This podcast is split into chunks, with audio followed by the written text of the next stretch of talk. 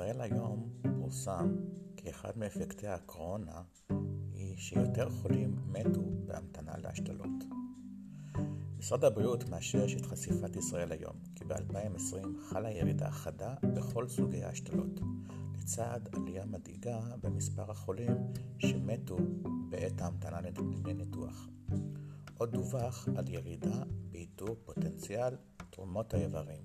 חולים ביטלו ניתוחים בגלל המגפה. אלו השלכות קשות ומדאיגות על בריאות הציבור נרשמו בגלל המגפת הקורונה.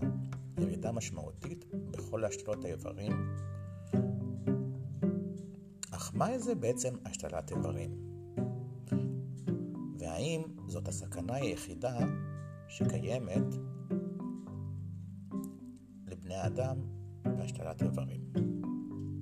אז מסתבר שחוץ ממה שפורסם בתקשורת, יש גם בעיה אחרת, והיא התגובה החיסונית של הגוף. מערכת החיסון יכולה להתנגד אה, להשתלת האיבר. אז בואו נבין קצת יותר לעומק בעצם מה התפקיד של מערכת החיסון. מערכת החיסון היא מכלול מורכב של איברים ותאים שתפקידם להגן על הגוף מפני פלישה של מזהמים פתוגנים כגון חיידקים, נגיפים ווירוסים. המערכת החיסונית פועלת בכמה וכמה שלבים. התגובה הראשונה נקראת קו הגנה מספר 1, שזה בעצם מנגנונים פיזיים וכימיקליים שמג... שמגנים על, אה, על, על הגוף. התגובה השנייה היא התגובה הלא ייחודית. זה בעצם מערכת של תאים בולעניים שתוקפים ופוגעים כל, כל גוף זר שחודר לגוף. והתגובה השלישית, קו הגנה של מספר 3, זה בעצם תאים, התגובה הייחודית, תאים מסוג לימפוצטים שמזהים באופן ייחודי את, אה, את הגוף, את, את הפתוגן ונלחם אה, נגדו. מערכת החיסון מסוגלת להבחין בין עצמי לזר, כלומר בין מולקולות ותאים השייכים לגוף עצמו לבין מולקולות ותאים ממקור זר.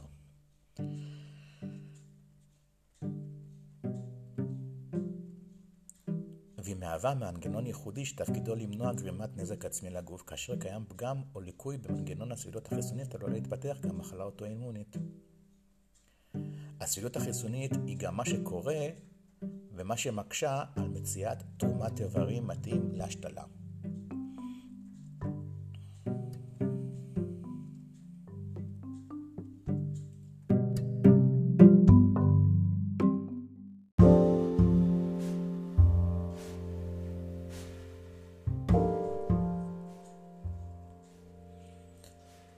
בואו נבין עכשיו כעת מה זה בעצם השתלת איברים.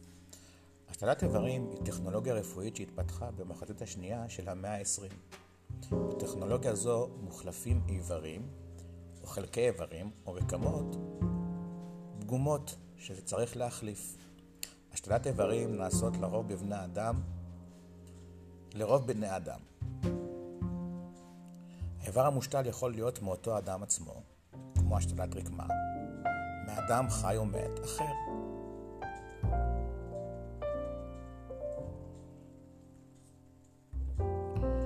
לאחר שהרופאים מאבחנים כי אדם נזקק לשתת איברים, מתחילים בחיפוש אחר איבר מתאים לצורך השתלה מוצלחת. לראשית יש לקבוע התאמה בין התורם ובין המקבל במספר מישורים, כגון סוג דם, נוגדנים והתאמת מרבית חלב... חלבונים אה, אנושיים. לאחר שנמצא איבר מתאים, מתבצע ניתוח שיכול לערוך מספר שעות. כדי למנוע דחייה של האיבר המושתל, המנותח מקבל טיפול תרופתי המדכא את מערכת החיסון. כפי שאמרנו, אחת הבעיות העיקריות היא שמערכת החיסון יכולה לזהות את האיבר המושתל כגוף זר, כגוף לא עצמי, ויכולה לתקוף את השתל.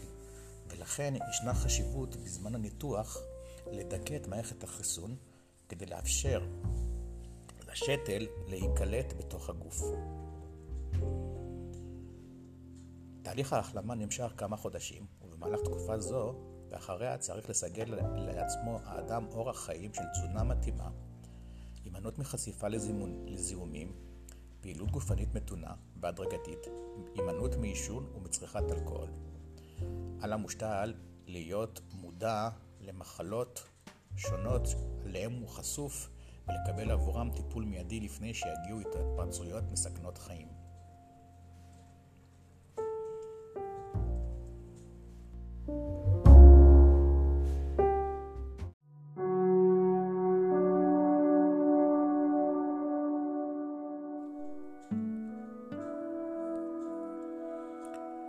אז בואו נחזור כעת לכתבה בישראל היום. כאמור, ב-2020 התריעו בתי החולים כי ישנה ירידה ניכרת ומדאיגה בתרומות ובהשתלות איברים בישראל. בתי החולים העריכו כי הנתונים דומים, דומים למה שמפרסמים גם בעולם. לפיהם, עם פרוץ המגפה חלה ירידה של 50% ויותר בתרומות ובהשתלות איברים ברחבי העולם. על פי נתונים אלה, ובגלל הירידה החדה בשנת איברים, הייתה השנה גם עלייה מדאיגה של כעשרה אחוזים בתור, בתור החולים הממתינים להשתלות. ובנוסף, מתו השנה 63 חולים בהמתנה להשתלה, לעומת 50 חולים שנפטרו ב-2019.